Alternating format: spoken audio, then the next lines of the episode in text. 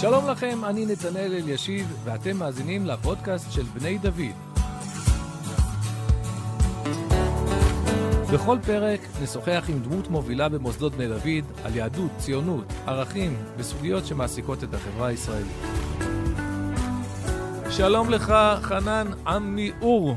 שלום. תודה לך שהטרחת את עצמך לא רק לעלי, אלא ליום, אה, נקרא לזה רוחני, בקיצור עם הרבה רוח, ובגלל או בזכות הקורונה אנחנו מקפידים לקיים את המפגש הזה בחוץ, באוויר הפתוח.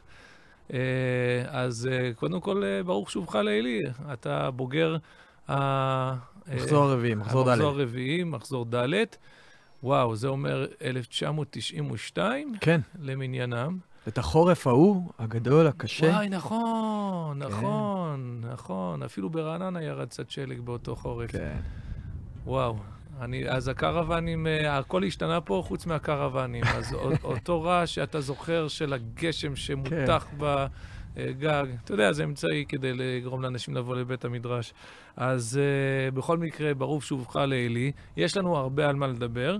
Uh, אבל uh, לפחות המחצית הראשונה של השיחה שלנו אני רוצה להקדיש לספר החדש uh, שכתבת והוצאת לאור. הספר נקרא סדנה להנדסת uh, תודעה, עם תת כותרת, שש הדרכים של התקשורת הישראלית לעבוד עליכם. אז לפני שנדבר על הספר עצמו, טיפה רקע uh, עליך למי שלא מכיר, מאיפה אתה מגיע לתחום הזה של עיסוק בעצם ב... מה שאתה קורא הנדסת תודעה, זו כבר כותרת מאוד לא, לא, לא פרווה, אתה כבר אומרת הרבה. אז מאיפה אתה מגיע לעיסוק בתחום הזה? אני אה, עורך אתר ביקורת תקשורת שקוראים לו פרספקטיבה, מבית קאמרה, שזה ארגון אמריקני, של אה, אזרחים אמריקנים אה, אוהדי ישראל, שבתחילת שנות ה-80 הם שמו לב שהסיקור של ישראל הוא מאוד עוין בעיתונות האמריקנית. זה היה הימים של uh, צה"ל בביירות, והייתה תמונה גדולה שהופיעה בשער הוושינגטון פוסט, שראו בה תינוק uh, בידיים של אחות רחמניה. ובכיתוב התמונה היה כתוב שזה תינוק פלסטיני בן שבעה חודשים, שנפצע קשה ואיבד את שתי ידיו מטיל שירה מטוס ישראלי על יכול, יכול להיות ש... אני חושב שזו הייתה ילדה. יכול להיות? אני חושב... בדיעבד התברר באמת שזאת הייתה ילדה. איך אתה יודע? איך אתה יודע? אני מכיר את הסיפור, אוקיי, קודם כל זה התחום שלי יותר ממה שאתה יודע, אני אה. חי, את הנושא הזה גם כן, כן, ואני זוכר שהתמונה הזאת, הראו אותה לנשיא רייגן, נכון והוא זעם, וזה כמעט שינה. את כל המדיניות והקשרים לא, בין המדינות. לא כמעט. כן. הוא ביקש שימסגרו לו אותה ושם אותה על המכתבה שלו, והוא הרים טלפון לבגין והוא אמר לו, תפסיקו מיד את המצור על מערב ביירות. וה, ואחד היועצים שלו אמר אחר כך שהתמונה הזו השפיעה עליו יותר מאשר 50 ניירות עמדה, והיא באמת הביאה את ישראל לקפל את, ה, את הלחץ. מדהים. על מחבלי. עכשיו, אנחנו יודעים מה קרה. הם, הם, בעקבות ה...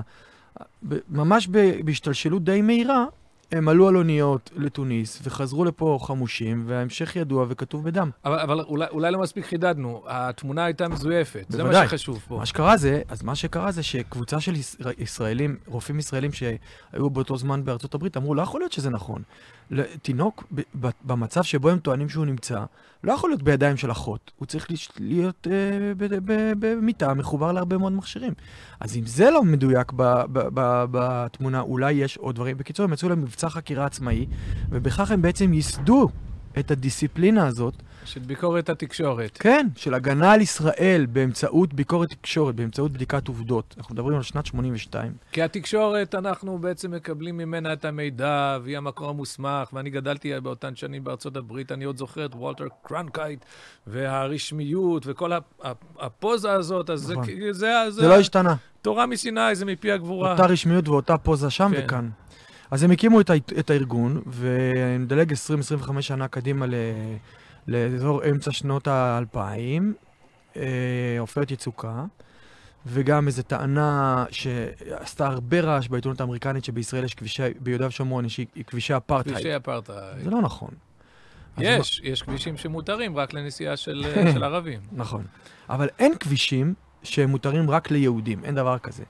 וזה עשה הרבה מאוד רעש, וכשהם עשו הליכה לאחור לראות אה, מאיפה הגיע השקר הזה, הם, הם מצאו אותו פה בעיתון הארץ. אז הם אמרו, אוקיי, נקים ארגון בישראל, שלוחה שלנו בישראל, שתתמודד עם, ה, שקרים. שרבים מה, מהשקרים שאיתם אנחנו מתמודדים, המקור שלהם הוא העיתונות הישראלית. נקים שם, הקימו, הצטרפתי, וזהו, שם אני נמצא. הצטרפת, טוב, אני אה, אה, יודע שהמילה הכתובה, אה, לא רק שלא זרה לך, זה תחום שאתה עוסק בו, וניגע בזה יותר מאוחר בכתיבת אה, נאומים. אני יודע שכתבת במקומונים אה, בירושלים. נכון. נכון, היית קשור, אם אינני טועה, גם לעמותת אה, אור ירוק. אה, הייתי דובר משרד החינוך, ואז מנ- אז- מנכ"ל המשרד אה, אבואב הלך לאור ירוק, שמואל אבואב הלך לאור ירוק, ולקח אותי איתו. אז, אז אה, קיבלת אור ירוק משמואל אבואב, אבל בכל מקרה, אז עסקת גם במילה הנאמרת וגם במילה הכתובה, ואני יכול לנחש שהנושא הזה בער בנפשך, ו... זאת אומרת, לא הגעת רק על... בקטע מקצועי... אה, מה פתאום? ברור שכן. ברור ש... אני עד היום, יש לי...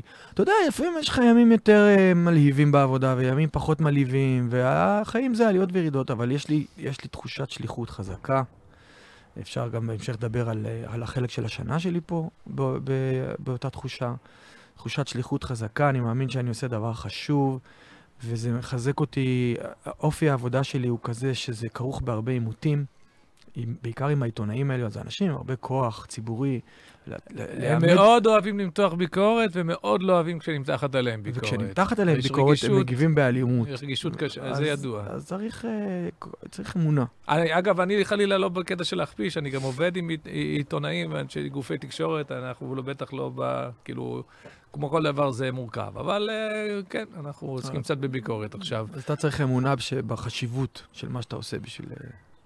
והאתר שלכם הוא, הוא יותר פונה פנימה לישראל או יותר החוצה? לא, לא, לא. ל- הוא, זה אתר, אה, זה אתר שבעצם עושה בדיקת, ממש, ממש בסיס שבועי, כאילו, בכל שבוע אנחנו מעלים אה, כמה אייטמים על, על שקרים ועל הטיות ועל סילופים ועל עבירות אתיקה מאוד חמורות, שבכל הכלים האלה העיתונות עושה שימוש.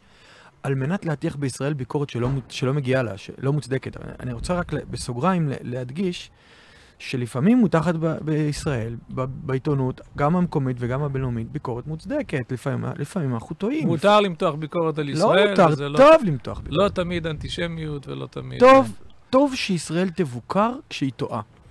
ולא לא בזה אנחנו עוסקים, אנחנו עוסקים בביקורת שהיא, שהיא, שהיא, לא, שהיא לא הוגנת, שהיא לא נכונה, שהיא נבזית, שהיא שקרית. אני מבין גם שהגוף הוא לא פוליטי באופן מובהק, הוא פרו-ישראלי, ולאו דווקא, הוא לא צבוע לגמרי ב... כן.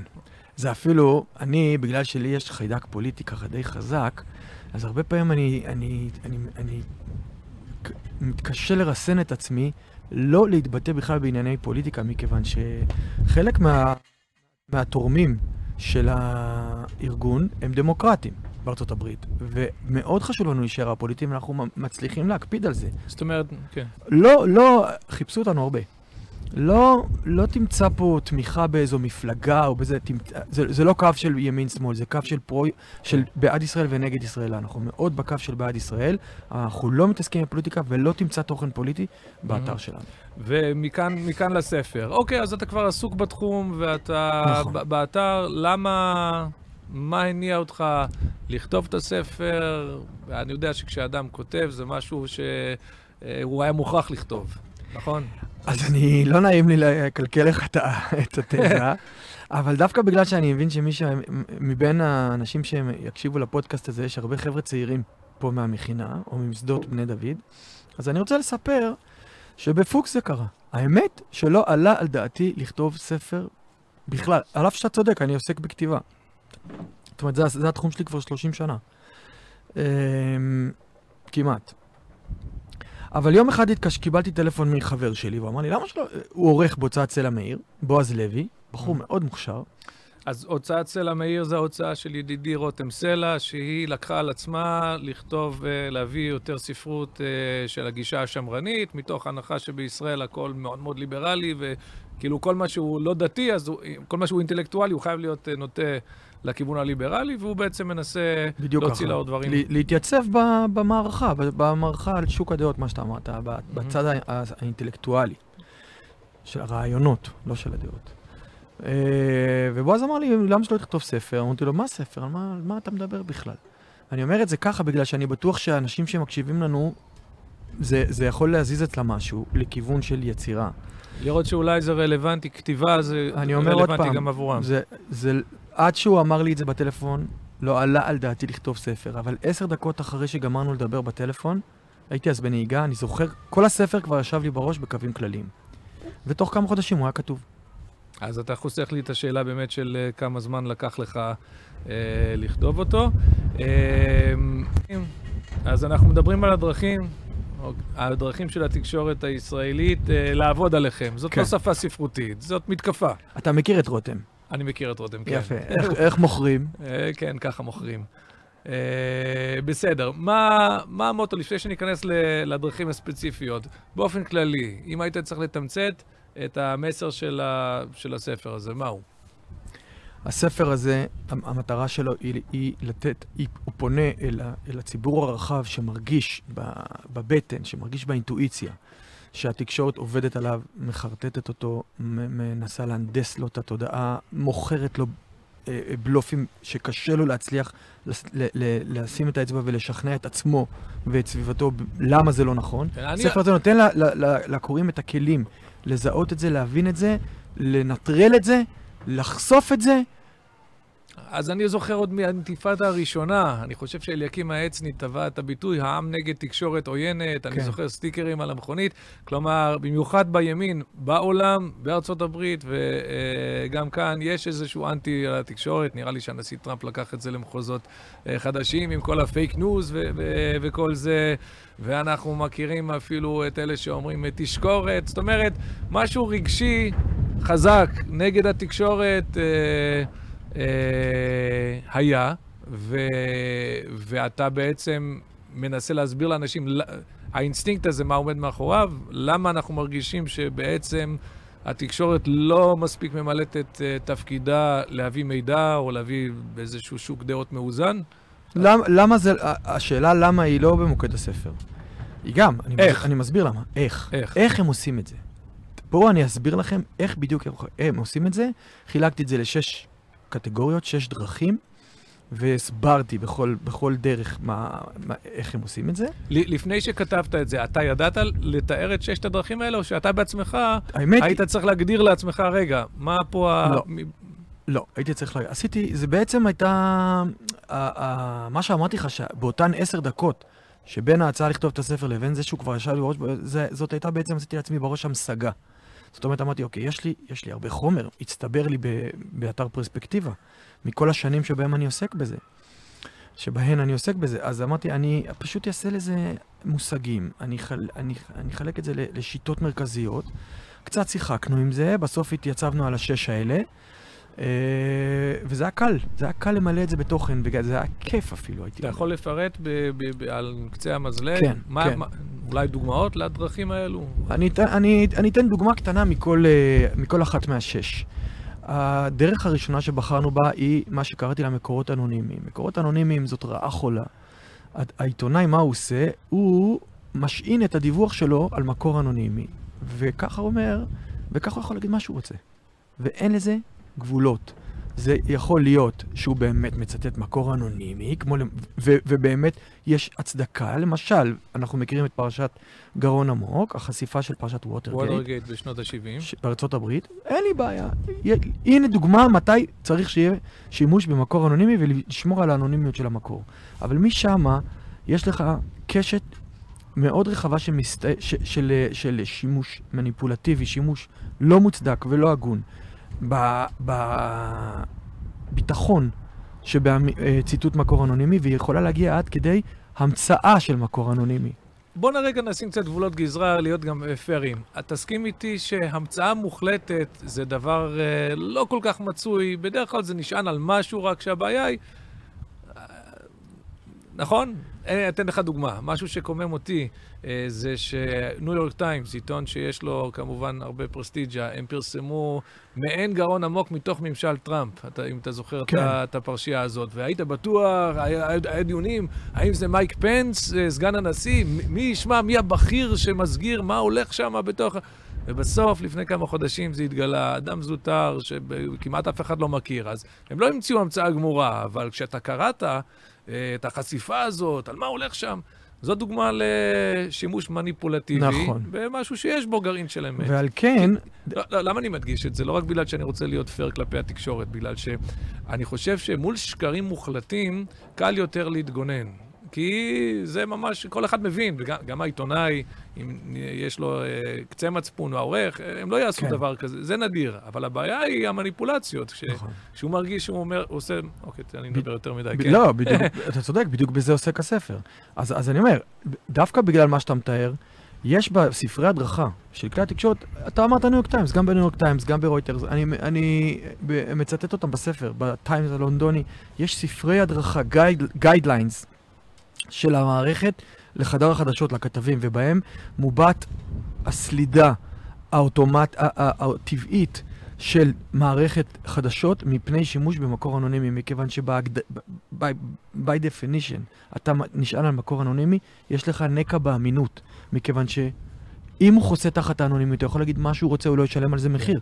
ויש דוגמאות רבות בספר לכך.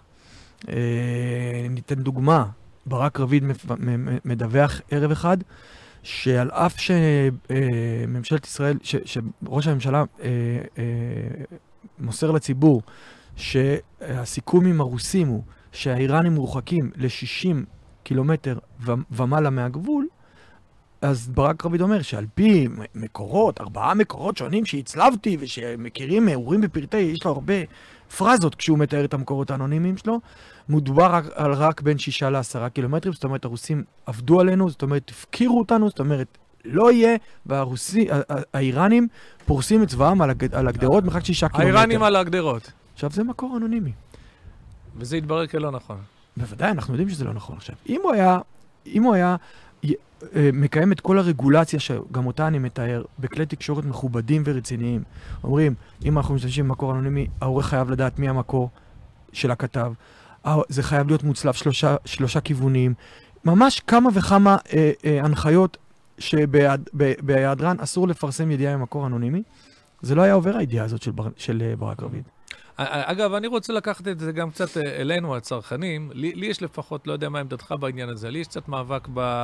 אני פעיל ברשתות החברתיות, ויש לי חשבון בטוויטר, ואני לא אוהב לענות לאנשים שהם אנונימיים, אני לא מדבר כרגע על אה, עיתונאים. אני שמתי לב שככל שאיפה שיש אה, אה, אנשים שלא מזדהים, ככה יש... השיח נמוך יותר. השיח נמוך יותר, המתקפות אישיות, נכון. ההתכות, ואנשים מרשים לעצמם. זה בדיוק העניין. ואני אה, אני לפעמים אומר לבן אדם, תשמע, אני מוכן לענות לכל אחד, אבל אני פה משלם מחיר כשאני פה חשוף, וזה לא מובן כן. מאליו שאני פה, ואני כאן ועומד מאחורי מה שאני אומר, תהיה גבר, נכון. תזדהה, ונתמודד עם מה שאתה אומר. נכון, אני מסכים. זה בדיוק, זה בדיוק העניין.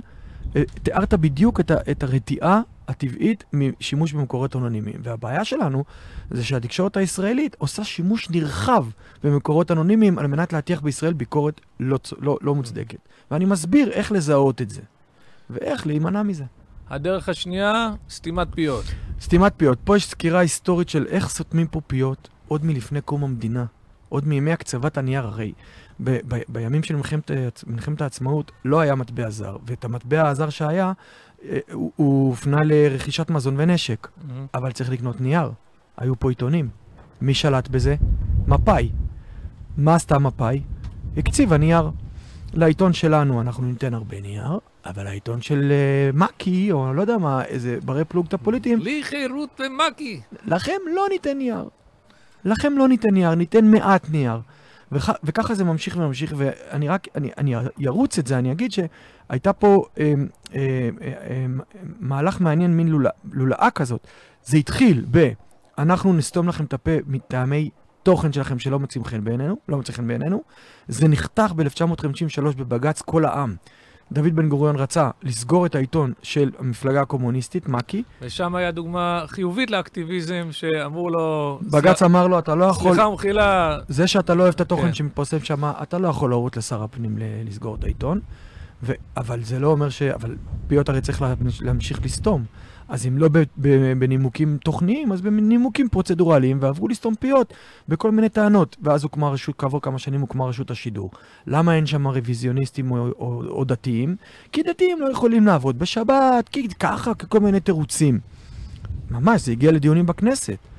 אה, ואחר כך אה, ערוץ 7, אתם משדרים מתוך המים הטריטוריאליים. אבל גם אייבי נתן שידר מתוך המים הטריטוריאליים. אז מה, לא אכפת לנו, אבל ככה וככה. וערוץ ערוץ, אה, ערוץ 20, אה, סליחה, המשדרים שלכם אמורים להיות מופנים מזרחה, הם מופנים מערבה, וחדש- ו- ואני יודע מה, זה לא, לא, זה ערוץ 20, ערוץ 20 אתם אמורים לשדר מורשת, גלי ישראל אתם פונים זה, כל מיני נימוקים פרוצדורליים. אנחנו רואים בזמן האחרון, ממש בחצי שנה האחרונה, עוד פעם חוזרים לסתום פיות בנימוקים תוכניים. עכשיו הם קוראים לזה האמת. אתה מדבר, או בדיוק, אתה, בדיוק על זה רציתי לשאול אותך, אתה מדבר כרגע על זה שחסמו בטוויטר את, אה, אתה מדבר על הערות האזהרה, על... אני, לא, מכיוון שהם מעתיקים הכל מארצות הברית, אני לא, עזוב את ארצות הברית, אני אומר מה קורה אצלנו. אני, אני מתייחס כן, אבל לתקשורת כל העולם ישראל. עכשיו עסוק בשאלה, בסוף זה... כן, אבל מי קובע? עסוק בשאלה הזאת, וזה זה בדיוק מה שאני רוצה לשאול. בוא, אז, אז מי שלא מכיר את הרקע של שיחתנו, אז uh, חסמו את, אחרי שהייתה את ההתפרעות בקפיטול, ועוד עוד לפני כן, כשהיה ערעור על תוצאות הבחירות, אז התחילו לחסום את, uh, את הנשיא טראמפ ואת הציוצים שלו. עוד לפני כן אה, אה, הוסיפו הערות הערות כן, אזהרה. כן, כן, הערות אה, אזהרה. ומיד קמו uh, הרבה אנשים, בין אם אנשים שהם תומכים של טראמפ, בין אם זה מעט הצדיקים שפשוט חרדים באמת לדמוקרטיה ולחופש הביטוי, ואמרו, סליחה, מי אתם, מי שמכם כדי להחליט uh, ולהיות צנזורים? אז, אז uh, הסכנה שבזה היא ברורה, אבל אני רוצה בכל זאת לשאול גם לצד השני. אז בהנחה שאנחנו כן רוצים לאפשר חופש ביטוי ולא לסתום פיות, מה עם, מה עם זה שבאמת באמצעות הרשתות החברתיות מופצ, מופצים, קודם כל, יש דברי שטנה ויש תיאוריות קונספירציה הזויות. אנחנו כיהודים נפגעים מאוד מדברים קשים ביותר ש... אה, זאת אומרת, איפה, האם יש גבול? איפה הגבול? איך אנחנו יכולים... אנחנו עכשיו במשבר עולמי של אנשים שלא רוצים להתחסן נגד כן. הקורונה, ואני לא בא לשים את כולם באותו סל, מי שיש לו ביקורת עניינית, אז... אה, אה, זה, זה עניין אחד, אבל יש כל כך הרבה אה, שקרים ודברים הזויים. מה, מה הצד השני? איפה כן צריך ל- לסתום למישהו את הפה? תראה, מכיוון שחופש הביטוי הוא כל כך חשוב וקדוש, ואנחנו כ- כחברה דמוקרטית ממש תלויים בחופש ביטוי, אז אני לא רוצה לה- להגביל אותו, כולל כל מה שאתה אומר שקרים וזה. יש חוק, החוק אוסר על הסתה, על, על פרסום דבר הסתה, הסתה ל- הסתה ל- לאלימות, לאלימות. לאלימות אני מתכוון, והחוק, אני חושב שגם הוא, הוא, הוא אוסר פרסום גזענות. אם זה לא מפר את החוק, הוא רוצה להגיד שהוא נגד חיסונים, הוא רוצה להגיד שהוא, הוא יודע מה, אה, אה, הכחשת שואה.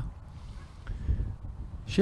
תשמע, לשוק יש את הכוחות שלו. אתה רוצה, אתה רוצה להכחיש שואה ותקהיל סביבך דיוויד דיוק כזה, מאה אלף אה, אנשים שיריעו לך, בסדר, אבל, אבל אז, אז בסדר, אז יש אנשים כאלה.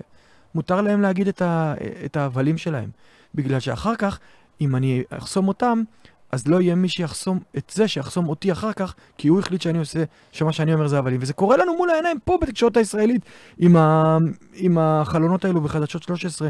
בזמן שראש הממשלה נואם, הוא משקר פה, משקר פה, משקר פה, והם בעצמם משקרים שהוא משקר. אני מבין. אנחנו יכולים עוד ועוד, בוא תן לנו, אבל אה, עוד כמה דרכים, כי אני רוצה להספיק קצת לדבר איתך על, על, על עוד כמה דברים. אז אה, דלג מה שאתה רוצה. אה, תראה, זה, הספר הזה הוא אוצר, ת, ת, תגיד אתה, יש פה, לפי הסדר, יש לוחמה פסיכולוגית. מה? בוא נגיד במיל, במשפט קצר עכשיו נעבור את כל הארבע אוקיי. שנשארו. בסדר. אז מה הבא בתור? לוחמה פסיכולוגית? לוחמה פסיכולוגית במסגרת המאבק של התקשורת, ב- בהצלחה של ישראל, במסגרת המחויבות שלה לערער כל הזמן את תחושת הצדק של האזרחים, את האמונה בצדקת הדרך, את הסולידריות הגבוהה. הם פשוט, יש להם קטע, הם כל חדשה טובה, הם מקטינים ואפילו מחביאים, מחניקים, וכל חדשה רעה הם מנפחים או אפילו ממציאים. והם באופן הזה, הם עושים פשוט לוחמה פסיכולוגית נגד העם. זאת אומרת, הם לוקחים תופעות שליליות מינוריות, ומנפחים אותם, או אפילו ממציאים אותם. למשל, אומרים לך שצעירים יורדים מהארץ, איזה שטויות. דווקא עכשיו ה- הירידה היא בין- ב- של כל הזמנים. וככה זה עובר בכל מיני אה, אה, נושאים. עושים לוחמה פסיכולוגית נגד העם. אבל אתה יודע, עוד פעם, אני רוצה להקשות עליך, כן. כי, כי זו כותרת שאני מניח שאתה נתת ולא העורך, אה, לוחמה פסיכולוגית. מה, אה, אנשים כל כך רעים, לא אנשים שאכפת להם פה מהמדינה לפי דרכם, לא משנה, אבל אה, אה, זה פייר לייחס להם, אה, לוחמה פסיכולוגית זה משהו שאויב עושה. זאת אומרת, האם אנחנו לא יוצרים פה... אני אענה לך. תשמע, הם, הם אה, מתארים את זה כאילו יש כאן מאבק אידיאולוגי בין שתי תפיסות עולם, בין שתי שיטות פוליטיות, נגיד, ימין ושמאל. זה לא נכון, אני לא קונה את זה, זה שקר. זה הכל עניין שהם רוצים להשיב לעצמם את ההגמוניה שאבדה להם. אם באמת הם היו שמאלנים, מה, מה הדגלים הגדולים של השמאל? זכויות אזרח, אתם הראתם לרמיסתן באזרחות. שחיתות, אתם הטרגתם פוליטיקאים מושחתים.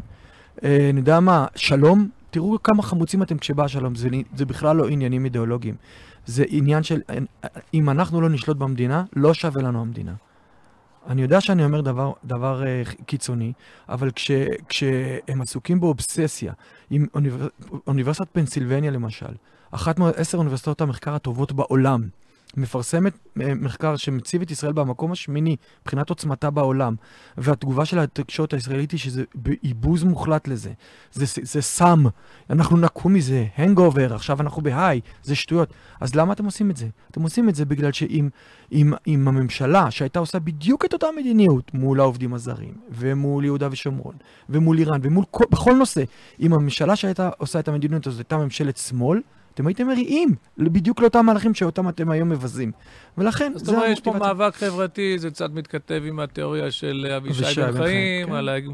על ההגמוניה שרוצה להשיב את של... שליטתה. כן. אבל תסכים איתי שזה לא צובע את כל התקשורת, זאת אומרת, יש אנשים כאלה ויש להם את הדומיננטיות שלהם, לא, לא, לא כולם כאלה. יש אנשים שרוצים בסוף להביא סיפור נכון. ולהביא... להביא מידע. נכון, אבל אלה הקולות בשוליים. במיינסטרים, במרכז, האנשים שיושבים בקונטרולים, אנחנו הרי יודעים שמי שחשוב זה לא אה, קלמן שכותב בעיתון, או עמית סגל שיושב באולפן. זה מי שיושב בקונטרול. עמית סגל יושב באולפן. הוא מאוד חשוב באולפן. נכון, עמית, עמית הוא, הוא, הוא דוגמה טיפה חריגה, אבל, אבל עמית סגלים לא יושבים עדיין בחדרי הקונטרול. הם לא קובעים את ה lineup. הם קובעים מתי לעמית סגל באולפן יותר להגיב על מה שהם יחליטו שהוא נושא השיחה. הם מחליטים על מה מדברים, וגם הם מחליטים על מה לא מדברים. טוב, גם אצל עמית זה מעניין. הייתה תמורה, הוא במשך הרבה שנים ניסה להיות נכון. פחות מזוהה. אבל זה סיפור, סיפור שלו. יש לו כן. סיפור יפה איך זה קרה. אני יודע בדיוק על איזה סיפור אתה... אבל את זה נשאיר כן. לשיחה עם עמית. שיתוף פעולה עם ארגוני תעמולה אזרחיים, כן. שמביאים אותם בתור מומחים בעצם. לא, הם יושבים בהם עיתונאים לשעבר, כל מיני בצלם, שוברים שתיקה וזה, שמכירים את החולשות של העיתונות. העיתונות היא ענף מאוד חלש, ולכן יש המון עומס על העיתונאים הצעירים. והם מנצלים את החולשה הזאת ופשוט מלעיטים אותם בתוכן מוכן, כמו למשל מה שקרה עם הרב נמבורג בעצמונה. כן, בעוצם. הרי, הרי אומרים מניב הכתב, הוא קיבל את זה מוכן, ונתן את זה as is. מי נתן לו את זה? עיתונאי לשעבר, שהוא יודע בדיוק איך לעבוד. אז זאת בעיה, זאת רעה חולה, הקו-פרודוקציות האלה. שלא, גם מי שלא יודע, אתה יודע, אנחנו כבר מדברים בקודים, אבל הייתה פרשייה ש... ניסו לצייר את הרב נמבור, כאילו הוא אומר דברים חמורים ביותר על החילונים. תלשו חצאי משפטים. ממש, הוא הסביר את ההפך. בדיוק. כן, זו הייתה דוגמה בוטה ומכוערת במיוחד. כן. אתיקה, שמטיקה. אתיקה, שמטיקה, זה בעצם בסיס לכל העניין. אני פשוט מראה פה את הסעיפים המרכזיים בתקנוני האתיקה. של, של הגופים השונים שכתבו אתיקה של עיתונות, ואני מראה איך הם, איך הם דורסים את זה ברגל גסה, העיתונאים, ובגלל שרמת האתיקה שלהם היא כל כך נמוכה, הם, זה, יש, קל להם לעשות את כל הפאוולים האלו שהם עושים. Mm-hmm. והחלק האחרון, קראתי לו דעות הארץ המיטב, ו, ו, ובזה, המערב הפרוע של השנאה והפלגנות שמשתולל, והצדקת האויב, שמשתולל במדור הדעות של עיתון הארץ, ואני מסביר בהתחלה שלו למה... כן, זה, שם זה כבר, אתה יודע, לפעמים זה כבר, לא יודע אם הומור או רחמנות, לפעמים לראות שם את הכותרות, ויש שם כמובן את הפרובוקטורים, ו... כן, אבל אתה צריך להבין. אלפר ואחרים, שאתה אומר, אבל... אתה באמת כתבת את זה, ואת אמירה. הוא ואת... באמת כותב את זה, והבעיה הקטנה זה שכותב את זה בעברית, הבעיה יותר חמורה שזה כן. מתורגם לאנגלית. וזה עושה המון נזק. והם לא יכולים לברוח מאחריות לתוכן הזה, כי תמיד, לעמוס שוקן, תמיד יש לו מבנה קבוע של תשובה בטוויטר, כשאומרים לו, תראה מה הוא כתב, מה, דתיים יותר מסוכנים מחיזבאללה, למשל, אז, אז, אז יש, ת, תמיד הוא עונה במבנה קבוע. זאת לא דעתנו. קליין. קליין, יוסי קליין. זאת לא דעתנו, זאת דעת הכותב. ומיד, בשלב הבא, הוא מסביר למה יש אמת בד... ב... ב... בעמדתו, ולכן היה אה, מקום לתת לו להביע אותה. כן. עכשיו, הוא לא יכול להתחבא מאחורי העניין הזה, והפיטורים של ג'יימס בנט, עורך הדעות של הניו יורק טיימס בקיץ האחרון, בגלל שהייתה לו אחריות, התפוטר. הייתה לו, בגלל שהייתה לו אחריות לפרסום מאמר שהציע לנשיא לשקול לממש חוק שמאפשר לו לשלוח את הצבא לתגבר את המשטרה בזמן כן. כאוס ברחובות, הוא פוטר, הוא התפוטר על זה, זאת אומרת, ועוד איך יש אה, חשיבות. עזוב שהמאמר שם היה מינורי שבמינורי, זה לא להאמין בכלל שעל דבר כזה הם פיטרו, אבל יש אחריות. עכשיו, אם יש לכם אחריות, בואו נראה מה התכנים שאתם... ושם תיארתי ממש את הקמפיינים השונים שהם מריצים. אני מבין. אני, תראה, מכיוון שכדי שתהיה שיחה מעניינת, חברותא זה שמקשים, לא רק ש... אני רוצה קצת להגיד... אה, אה, בוא, תראה, תראה, יכול לשמוע בדבריי שאני א', מכיר את התחום, וב', סך הכל מזדהה. אבל אני אגיד לך מה קצת מדאיג אותי בקו הזה אה, מהצד השני. בסוף אנחנו, הרי מעבר למתיחת ביקורת, אנחנו רוצים ללכת בדרכו של הרב קוק, שאמר שצריך לעשות מלחמה חיובית. כלומר, במקום אה, לקבול על הכפירה, בואו נציב את האלטרנטיבה שלנו. ואני שוב מסתכל לשוק, לשוק התקשורת האמריקאי, ואני רואה שם שבעצם הקימו, הרי, הרי מה שקורה כאן מאוד מושפע משם.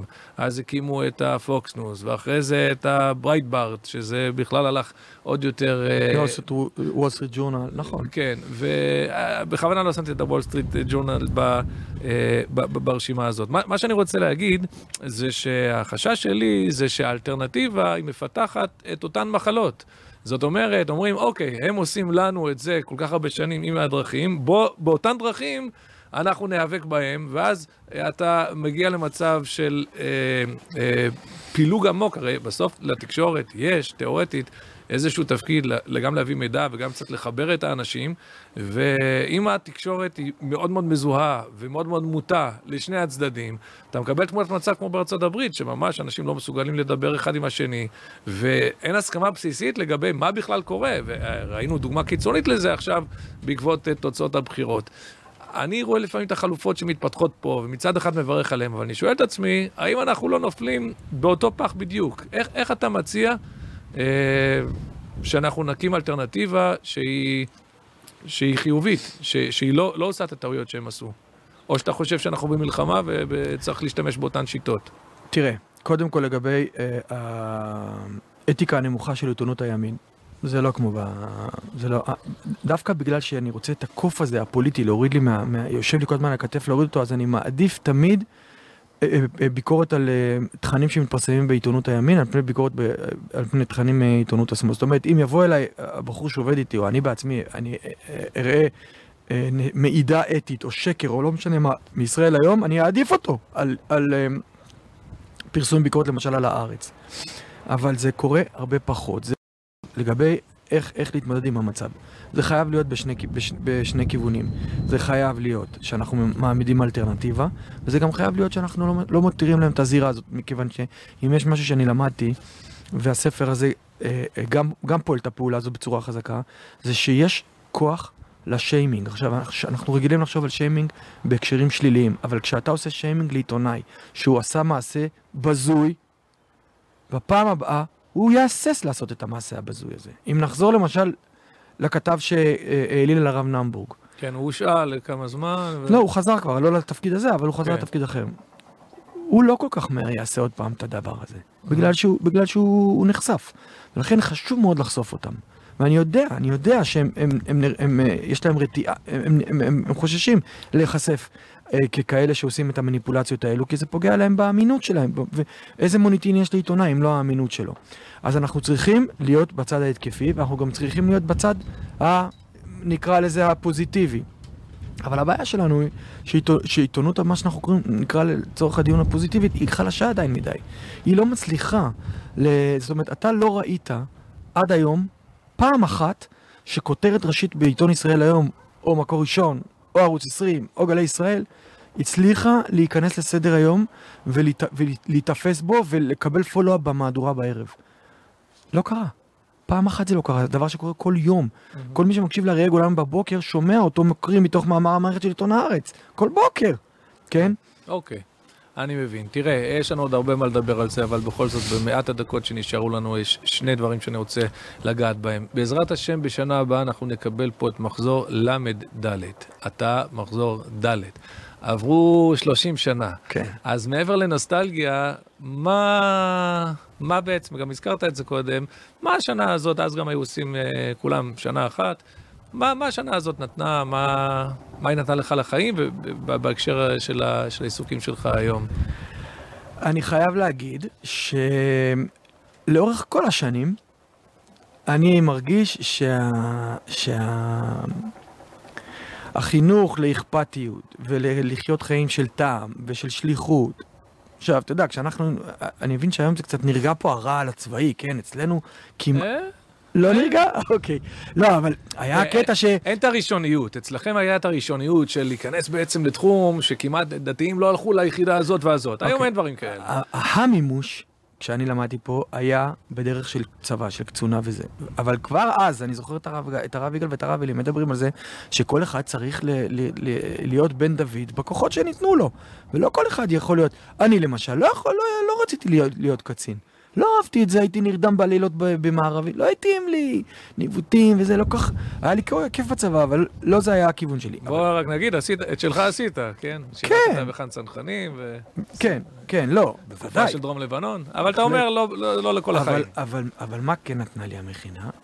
אה, את התחושה, את, ה, את, ה, את, ה, את, המרו, את המחויבות לעשות משהו שהוא בעל ערך למען, למען הכלל. עכשיו, אני לא אתחסד פה שאני עושה את הכל למען הכלל, אני אוהב את העבודה שלי, זה כיף לי. אני גם, אני גם לפעמים, חלק מהעיתונאים האלה זה יהודים שתענוג להתגושש איתם, אני חייב להגיד את האמת. אה, אבל, אבל, אה, אבל אני, זה, זה, זה כן, זה כן נש- נטמע בי חזק, פה, פה, ממש פה במדרש הזה, ל, ל, להיות חייל, להיות חייל כל החיים. להיות בשליחות כל החיים. כן. נהדר. אז אה, אני, אה, נושא אחרון אה, ש, שניגע בו, אבל אני הייתי יכול לדבר איתך רק, רק על זה, הסכת שלם, ואולי כמה על הנושא של כתיבת נאומים. כן. אז uh, אני אשאל אותך את השאלות, ככה uh, ביחד, נפציץ בכמה שאלות ותענה איך שאתה אוקיי. uh, מוצא לנכון. מעניין אותי, קודם כל, מה הכישורים שלדעתך... רק דרוש- נזכיר, נסביר למאזינים שאני עוסק גם בזה.